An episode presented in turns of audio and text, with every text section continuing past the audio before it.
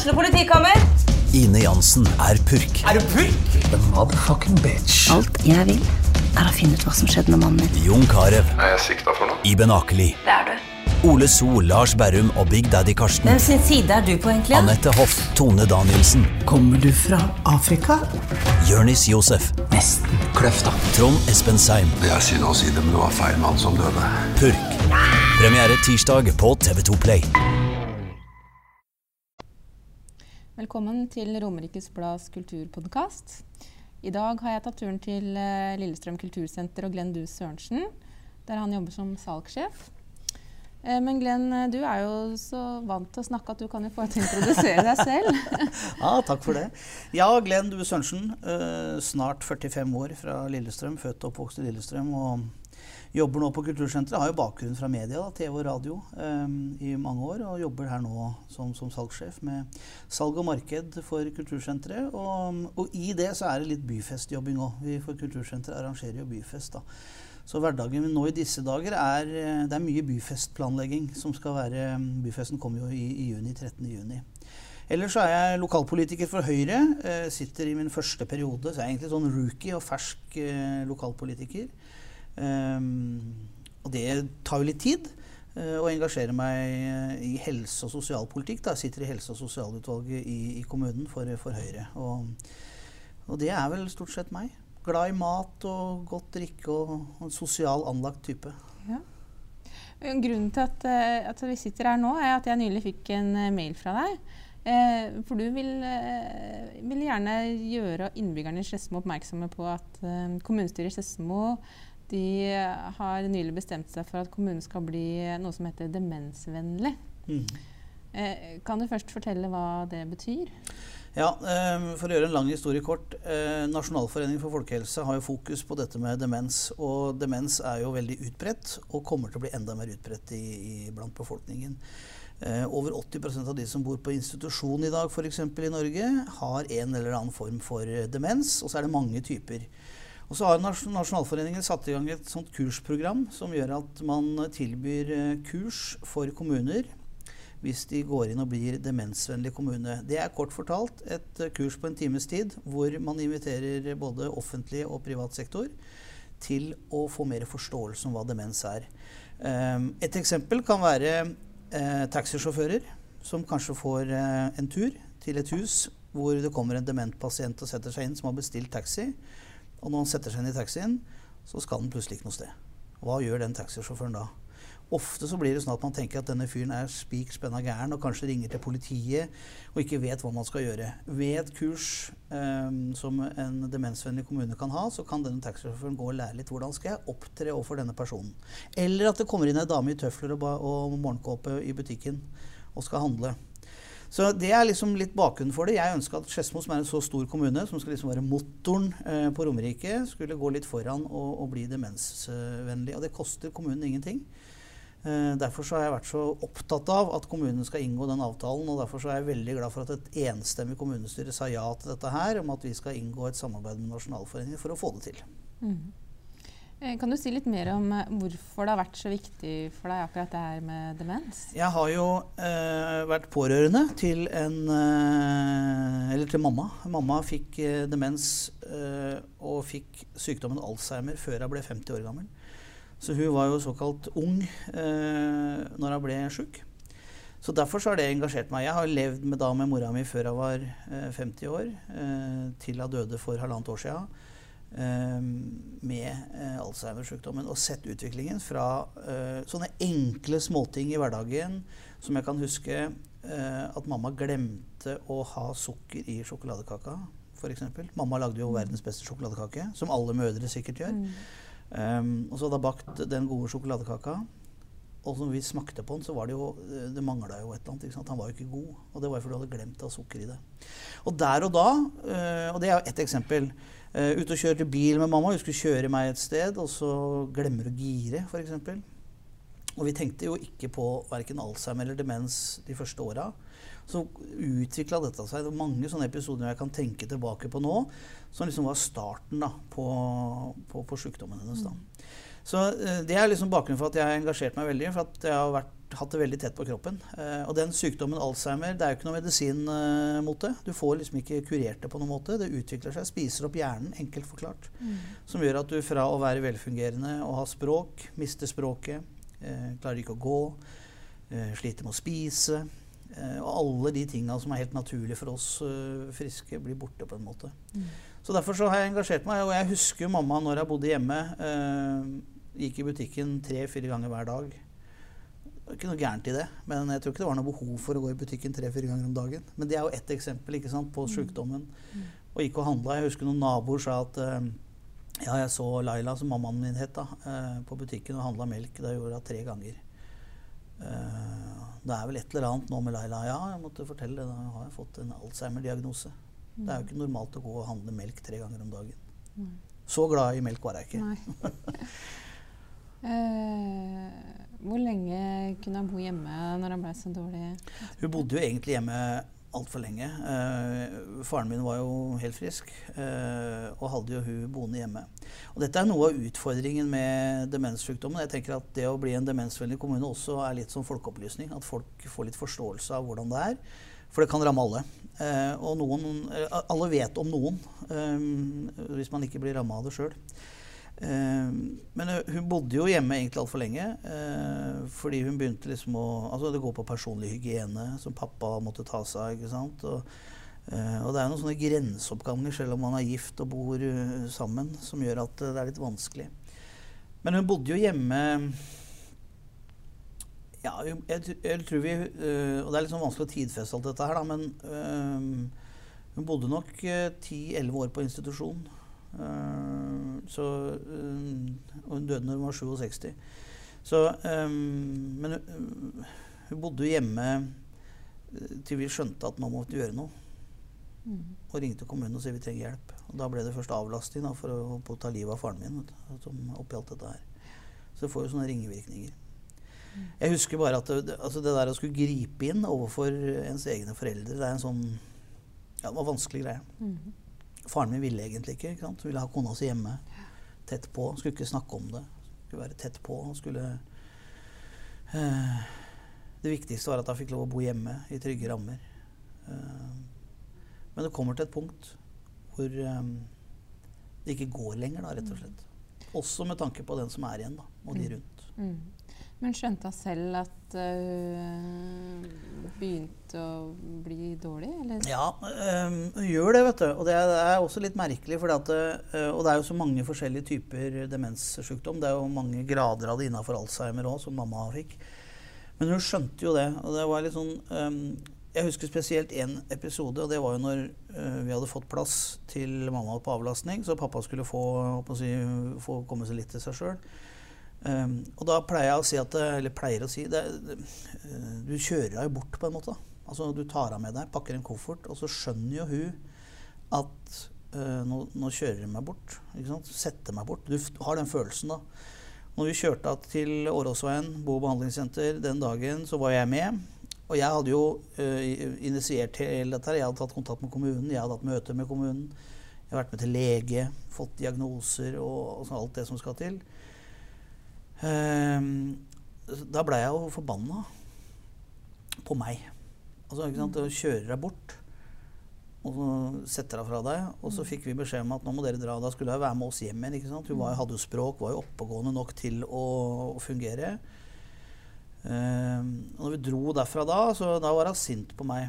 Og så fikk vi beskjed om at vi skulle komme og besøke henne sånn dagen etter. Da skulle la det gå litt tid, så hun fikk venne seg til å være der jeg var. Men jeg kom tilbake, snakka ikke med beina. Mm. Forferdelig ubehagelig, selvfølgelig. Mm. Sønnen og, snakker ikke med sønnen sin. Og jeg er veldig knytta til mora mi, veldig glad i mora mi. Og, og fikk eh, uh, Det er liksom avvist, på en måte. da. Og da var jeg der sammen med mora, eller faren min og, og broren min. Uh, Snakka til dem, de ikke til meg. Unngikk meg på en måte. Og så tenkte jeg Dette gnagde jo veldig på meg. Det var veldig vondt og veldig vanskelig. Så dro jeg til aleine en dag uh, og besøkte henne. Uh, og prata med henne og svarte ikke. Og så plutselig så sier hun og i dag er det veldig deilig å tenke på, da, når jeg vet hvor mange år jeg var uten språk og uten mulighet til å kommunisere med. Så sier jeg Glenn, jeg, jeg, jeg veit jeg ikke er helt frisk. Jeg veit jeg ikke får til alt, og jeg veit at jeg ikke kan være hjemme lenger. Uh, jeg veit det. Og så begynte jeg å grine, og så grein vi begge to. Og så, uh, så fikk vi liksom skværa på en eller annen måte. da. Men det sier jo noe om sykdommen. ikke sant? På den ene sida var hun litt surrete og ikke helt visste hva hun drev med. Og på den andre siden hadde hun et øyeblikk hvor hun sa Glenn, jeg skjønner jeg er sjuk, jeg må være her. Jeg skjønner at det ikke er din skyld. Og det å gå ut derfra da, eh, det var liksom sånn åh, det var deilig. Og i dag er det veldig deilig å tenke på å ikke ha noe uoppgjort med mora si da, i forhold til eh, det. For man følte jo og tok virkelig på det å sette bort mora si. Altså ta, hente henne hjem og kjøre henne bort. For når hun kom på avlastning, så var det utgangspunktet 14 dager før, så du kom jo aldri hjem igjen. Hun ble værende på institusjon da til hun døde. Men det er en sånn der, du tar og føler på-greie. At uh, ok, du kjører bort mora di, og hun, hun ligger skylda på deg og er forbanna på deg. Så den, at vi fikk skværa opp og snakka ut om det, det var utrolig deilig. Men i neste øyeblikk da, så kunne jeg være like surrete og prate om alt min mye gjorde. jord. Følte du at du mista mora di i løpet av de åra her? Veldig. Tok og følte på det veldig. Um, mister, eller mista mora mi to ganger, på en måte. Du mister deg en gang i sjukdommen. Det, det er jo sånn gradvis. Det skjer hele tida en forverring. ikke sant? Og noen ganger går det litt raskere, så stopper det litt opp. Og så er man på et stadie, og så går det litt videre og blir enda litt verre. Men man føler, tar og føler litt på det, at man, at man mista Særlig i forhold til det at når man ikke kunne kommunisere med henne, og ikke hadde språk lenger. Uh, og det kom bare sånne gurglelyder, og hun prata jo og lo. Du så jo at hun lo. Eh, hadde fantastisk humør omtrent helt til hun sovna inn. Uh, men det var helt umulig å vite hva hun lo av. Jeg kunne f.eks. si til når jeg var også, når jeg ikke hadde språk, at uh, nå har jeg vært ute og, og reist, mamma, og vært og spist god mat. Um, og jeg veit jo at hun fra jeg var ganske ung, syntes at jeg egentlig var altfor svær og var for tjukk og burde slanka meg. Uh, og jeg kan jo bare tenke meg hva hun tenkte når jeg sa at jeg hadde for vært i Frankrike og spist god middag på stjernerestaurant. At hun tenkte nå må du tenke på linjene, som hun ofte pleide å si til meg. Uh, men det måtte jeg jo lage meg, da, for hun kunne ikke si det. Men jeg så at hun smilte og var glad da når jeg fortalte om det med mat og sånn. For det relateres jo til ting hun har opplevd med meg fra barndommen og ungdomstida mi. Men du mister mora di to ganger. Du mister henne den dagen hvor hun blir sjuk og ikke klarer å kommunisere med meg, og når hun dør. Og så er det en sånn litt sånn For meg var det, og det er sikkert veldig individuelt, men for meg var det sånn Når hun døde, og når hun sovna inn, så var det veldig trist og leit. Samtidig så var det en lettelse, da. Og det høres kanskje litt rart ut, men det var på en måte en liten lettelse at hun fikk lov å slippe å være i den tilstanden hun var i. For jeg tenker at uh, det var jo ikke noe liv. Lå bare der. Uh, måtte mates, skiftes på er bare et individ som puster. Og til slutt så klarer du ikke å ta til deg næring, og så, da går det jo sin gang. Da. Du dør, dør til slutt. Så det var, det var, en sånn kombinasjon av sorg, og så var det litt lettelse for at jeg fikk lov å slippe. Man tar og føler litt på det. Det er litt sånn For man har vært i en sorgprosess når jeg var sjuk og levde. Uh, og så dør hun, så setter man på en måte endelig punktum. Men da får man på en måte tatt farvel. Man får holdt en fin minnetale. Og man får en grav å gå til og kan minnes de gode tinga med mamma. Mm. Selv om hun var sjuk i mange år. Mm. Men har det dere har opplevd som familie, har det ført til at du har blitt redd for å få Alzheimer selv? Eh, I starten så husker jeg tenkte veldig på eh, Blir jeg sånn nå? Eh, kommer jeg til å, å få Alzheimer? Uh, og så ble det sånn at uh, vi er innimellom alle glemske. ikke sant? Glemmer ting. Uh, og jeg husker jeg tenkte sånn, i hvert fall helt i starten med sykdommen til mamma, at hvis jeg glemte nøkla hjemme eller sånn så det, Oi, er dette starten på Alzheimer? Og tenkte ganske my mye på det. Jeg kan le litt av det i ettertid, for det er liksom Alle glemmer jo. Jeg har jo venner jeg som er mye mer glemske enn meg, og som kanskje er mer glemske enn det mamma var òg. Men altså, sånn er jo vi mennesker. ja, jeg tenkte veldig på det kommer jeg til å bli sjuk? Og jeg tok det opp med, med legen min òg. Um, og så blir det sånn når du får en, et nært familievenn som mamma er, da, som blir sjuk, så uh, sluker du jo all informasjon da, om sykdommen Alzheimer. Så man leser seg veldig opp. da. Og, så er det, og plutselig så finner man noe som kan relateres til arv. Fordi at når det forskes, så forskes det jo på bredt, og det, forsker, og det er mange meninger. Så jeg husker jeg fant en artikkel fra USA hvor det sto at det kunne være arvelig. Uh, og jeg tok det opp med legen min, og han sier at jeg tror ikke du skal gå rundt og tenke på det. Det er altså ikke tung forskning som viser at det er direkte arvelig med Alzheimer. Men øh, man tenker på det, ja. Men nå har jeg slått meg til ro med at øh, det ikke er arvelig. Og jeg, jeg, merker ikke noe mer unormalt enn jeg gjorde når jeg fikk sykdommen. Jeg glemmer like mye eller like lite. Mm. Så nå tenker jeg ikke noe mer på det. Jeg har slått meg til ro med det. Mm. Men det er en sånn um, reell frykt man har. Mm. Hvordan opplevde du at tilbudet var både til moren din og til dere som pårørende i den prosessen her? Jeg må si at Kommunen var helt fantastisk mot oss. Jeg, jeg tok én telefon og så sa jeg, hei, vi trenger hjelp. Det var omtrent det jeg sa til kommunen. Uh, og Så la jeg frem greia, og så gikk det to dager, så kom de på hjemmebesøk. Og så skjønte de ganske tidlig når de snakka med mora mi, at uh, ok, dere trenger hjelp. Og, det, og som jeg sa innledningsvis, det hadde gått tatt altfor lang tid. Vi burde gjort det lenge før da. Og kanskje hadde det kunnet bremsa sykdommen noe, eller at man kunne fått et sånt uh, tilbud så fattern kunne få litt avlastning før. Men det, det blei noe sånn, da. Eh, men tilbudet var veldig bra, og det gikk veldig raskt. Man satte fort på. Det var ikke noe ledig plass sånn akutt. Eh, og det var det vel strengt tatt ikke behov for heller, men det ble satt på hjemmetjeneste, hjemmesykepleie, med en gang. Og vi fikk ganske raskt avlastningsplass, og det ble fast plass. Og man skjønte liksom i kommunen at det, det her er en dame som er så sjuk at hun må faktisk være på institusjon.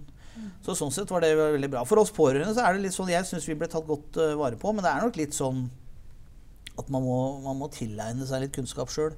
Men det tenker jeg at det tror jeg kanskje også er nyttig. Men vår opplevelse med, med kommunen og helsevesenet når mamma ble dårlig, er veldig, veldig positivt. Mm. Veldig positivt. Mm. Eh, og nå har du jo engasjert deg i politikken. Eh, når er det du eh, fant ut holdt jeg på å si, at du skulle bli politiker? jeg fant det egentlig ikke ut, tror jeg. Altså, det der er litt sånn tilfeldighetenes spill. det der, tror Jeg Jeg har, egentlig, jeg har jo aldri vært politisk eh, aktiv. Når jeg har jobba som journalist og nyhetsjournalist i alle år, så har det liksom ikke vært helt forenlig med, med det. Um, nei, altså, jeg fikk jo et spørsmål om jeg ville stå på en liste. Fordi jeg, jeg hadde liksom hoppa av media og jobba ikke med journalistikk lenger. Um, og så sa jeg ja til det. Um, og så te jeg tenkte egentlig ikke noe mer over det. Jeg er sånn ja-menneske, så jeg sier kanskje litt for mye ja. Men jeg sa ja, uh, og så syntes jeg det virka litt spennende kanskje med politikken og sånn. Og så hadde jeg vært med å jobba litt i kulissene med mediehåndtering og sånn i forbindelse med, med et kommunevalg før. Så jeg tenkte det virker spennende. Så sa jeg ja, og så sier, ble jeg jo da oppringt av nominasjonskomiteer. Og du, du, blir, ja, du kommer til å bli plassert på liste og sånn. Ja, fint, greit. Og så kom jo lista. Da sto jeg på 26.-plass.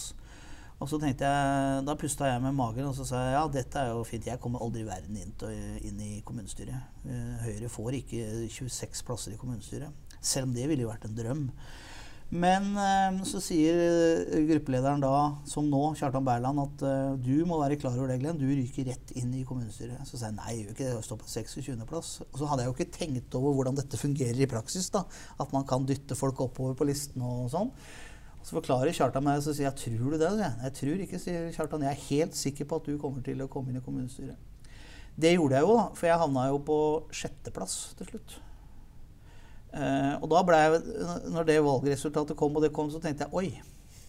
Da blir du litt sånn uh, Og klart når du stikker fram trynet, som jeg har gjort i mange mange år, da, så, så, har nok det en effekt. da, Eller har, det har jo åpenbart en effekt. da. Mm. Men da ble jeg veldig sånn uh, ydmyk i forhold til at ok, da Jeg pleier å tulle med vennene mine og si at jeg må huske at det sitter en folkevalgt i rommet her. Jeg er valgt av folket. Og jeg er jo strengt tatt det, da. Så jeg er veldig ydmyk overfor det, altså. Uh, men jeg, det, var, det, var, litt sånn tilfeldig. Ble spurt om å stå på liste. Sa ja, og plutselig satt jeg der. Mm. Var ikke angra, altså. Ikke nei, angre. nei, men det er bra. uh, hvilke mål har du satt deg som politiker, da? Det er vanskelig spørsmål. Jeg har egentlig ikke satt meg noe, noe mål. Jeg, altså, jeg hadde veldig lyst til å jobbe med helse- og sosialting og syntes det var ålreit å få lov å være med og jobbe med det. Og jeg, jeg satte opp det på lista når man liksom ble spurt om hva man kunne tenke seg å, å jobbe med. Uh, og det syns jeg er interessant. Og vi driver jo med ganske mye spennende innenfor uh, helse og sosial Så, så det uh, Målet mitt er å gjøre det bedre. Og så er det liksom sånn Vi er jo i opposisjon, da, så vi har jo ikke makta ikke sant, i Skedsmo, så vi må jo egentlig gjøre som vi får beskjed om. Men så er det noen sånne små seier innimellom, da, som dette med at kommunen blir, skal bli demensvennlig. Etter to interpellasjoner til ordføreren Det gikk litt treigt første gangen, så jeg purra på den en gang til. Og så plutselig ble det en sak ut av det. Og nå er vi der. Eh, Det er sånne halve seire. Det er motiverende, syns jeg, å være lokalpolitiker. Kunne få til noe som betyr noe for folk. For jeg tror dette betyr noe for folk. da. Eh, At man kan opplyse mer om dette med demens. Og det kommer til å ramme flere og flere, og det kommer til å bety eh, mye for mange. Men jeg har egentlig ikke noe sånn Jeg har, jeg har ikke sagt eller tenkt eller lagd meg noen sånn karriereplan som politiker. altså. Jeg har ikke noe sånn En dag skal jeg bli statsminister eller statsråd eller ordfører. Jeg har ikke det. Jeg, akkurat nå syns jeg det er morsomt å holde på. Um, så får tida vise hva det bringer, altså. Men um, man veit jo aldri. Nei, og nå sitter vi jo her på Lillestrøm kultursenter. Mm. Eh, hvor lenge har du Du må jo fortelle litt om hvor lenge du har vært her òg. Ja, egentlig så har jeg vært veldig lenge på det huset her, sånn ut og inn. For dette um, er jo et hus eh, som jeg er veldig glad i. Og i sin tid så spilte jeg jo i Lillestrøm Musikkorps som er en av stifterne av eh, stiftelsen Lillestrøm kultursenter. Som på en måte tok over dette her i, på starten av 90-tallet og på dugnad uh, pussa opp den gamle kinoen. Fordi de trengte konsertlokale. Jeg var med på den dugnaden eh, da, som korpsmusikant. Og så slutta jeg å spille og så begynte jeg å jobbe i media. og, og sånn, så jeg, Men jeg har jo alltid vært liksom, venn av huset, da, selv om jeg ikke har jobba her. Og kjenner jo alle som jobber her. og Det er jo mange her som har vært med siden starten, vet du. Som blir båret ut herfra. Så, eh, så dette huset er veldig glad i. Eh, og når det åpna seg å få muligheten for en to og et halvt år siden å, å jobbe her, litt sånn på, på prosjektbasis, så tenkte jeg yes, det, dette er kult. Og så ble jeg fast ansatt fra 1.1. Så nå er jeg fast ansatt her. Nå blir de ikke kvitt meg. Nå, og det er utrolig gøy. Det er et morsomt hus og får lov å gjøre masse forskjellig. Vi jobbe med sponsorer, samarbeidspartnere av huset. Mange viktige, gode partnere som huset har.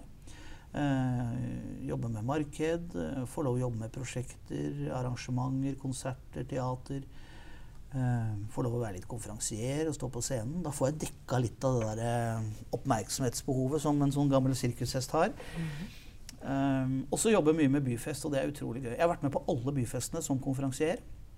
Og nå de siste åra har jeg jobba med det som jobben min nå, og det er utrolig gøy.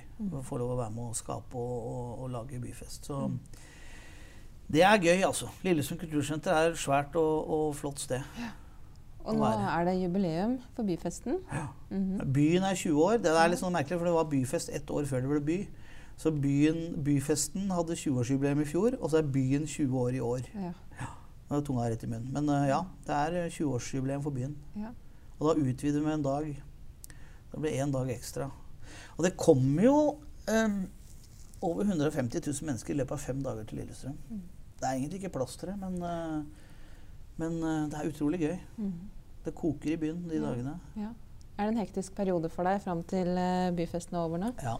Nå er det liksom, nå går vi inn i Jeg bruker stort sett arbeidsdagen min på byfest nå. Uh, jeg jobber jo med utstillere som skal være i Storegata. Jeg jobber med utelivet og ut serveringsbransjen og, og, butikkene. Så jeg er mye rundt og trasker rundt i byen og, og snakker med folk og skriver kontrakter og, og holder på og planlegger. Mm. Det er et stort, øh, voldsomt stort arrangement. Så vi, det er mange ting. Masse møter og masse planlegging for at øh, det skal gå i hop. Mm. Så det er hektisk nå, og, men det er bare gøy, da. Mm. For vi veit jo liksom hva som kommer. Ja. Alle artistene er klar, og det er liksom Vi er på en måte Nå er det planlegging og finishen. Og skru, skru på plass det siste. Ja. Og Hva blir din rolle under byfesten i år? Ja, jeg har jo ansvar for alle utstillerne, da, alle de som står i telt og sånn. Så jeg, det, det, er jo å følge opp det. Eh, og så klarer de jo ikke å kaste meg ut fra å være konferansier. Nei, det var det jeg satt og lurte på. så jeg skal være konferansier på ja. hovedscenen, som jeg har vært eh, de 20 andre åra. Jeg skal det. Jeg, det. Det er litt sånn når, når jeg ikke jobba på huset her, og ikke fikk noen telefon når det nærma seg juni, så, eller mail eh, fra Robert Skrolsvik, som er prosjektleder, så var det sånn at jeg, De første gangene så ringte jeg. Ja, ja, det, du ligger inne i planene. Og så hørte jeg ikke noe, og så sier Robert jeg tror ikke vi behøver å ringe Glenn. Jeg, for jeg tror han bare dukker opp. Og det hadde jeg nok gjort. altså. Jeg hadde nok bare dukka opp og tatt mikrofonen og gått på scenen. ja, men det er bra. Da kommer vi til å høre mer fra deg i framtida også, i Lillestrøm. Det vil jeg tro. Det vil jeg tro. Det er jo ikke, jeg er jo ikke en fyr som uh, klarer å sitte rolig og ikke gjøre noe. Man må jo engasjere seg litt. altså. Det er sikkert ikke det siste. Nei. Da setter vi en foreløpig strek for RBs kulturpodkast denne gang. Takk for at du kunne komme. Tusen takk for at jeg fikk være med. Ja, og takk til deg som hørte på.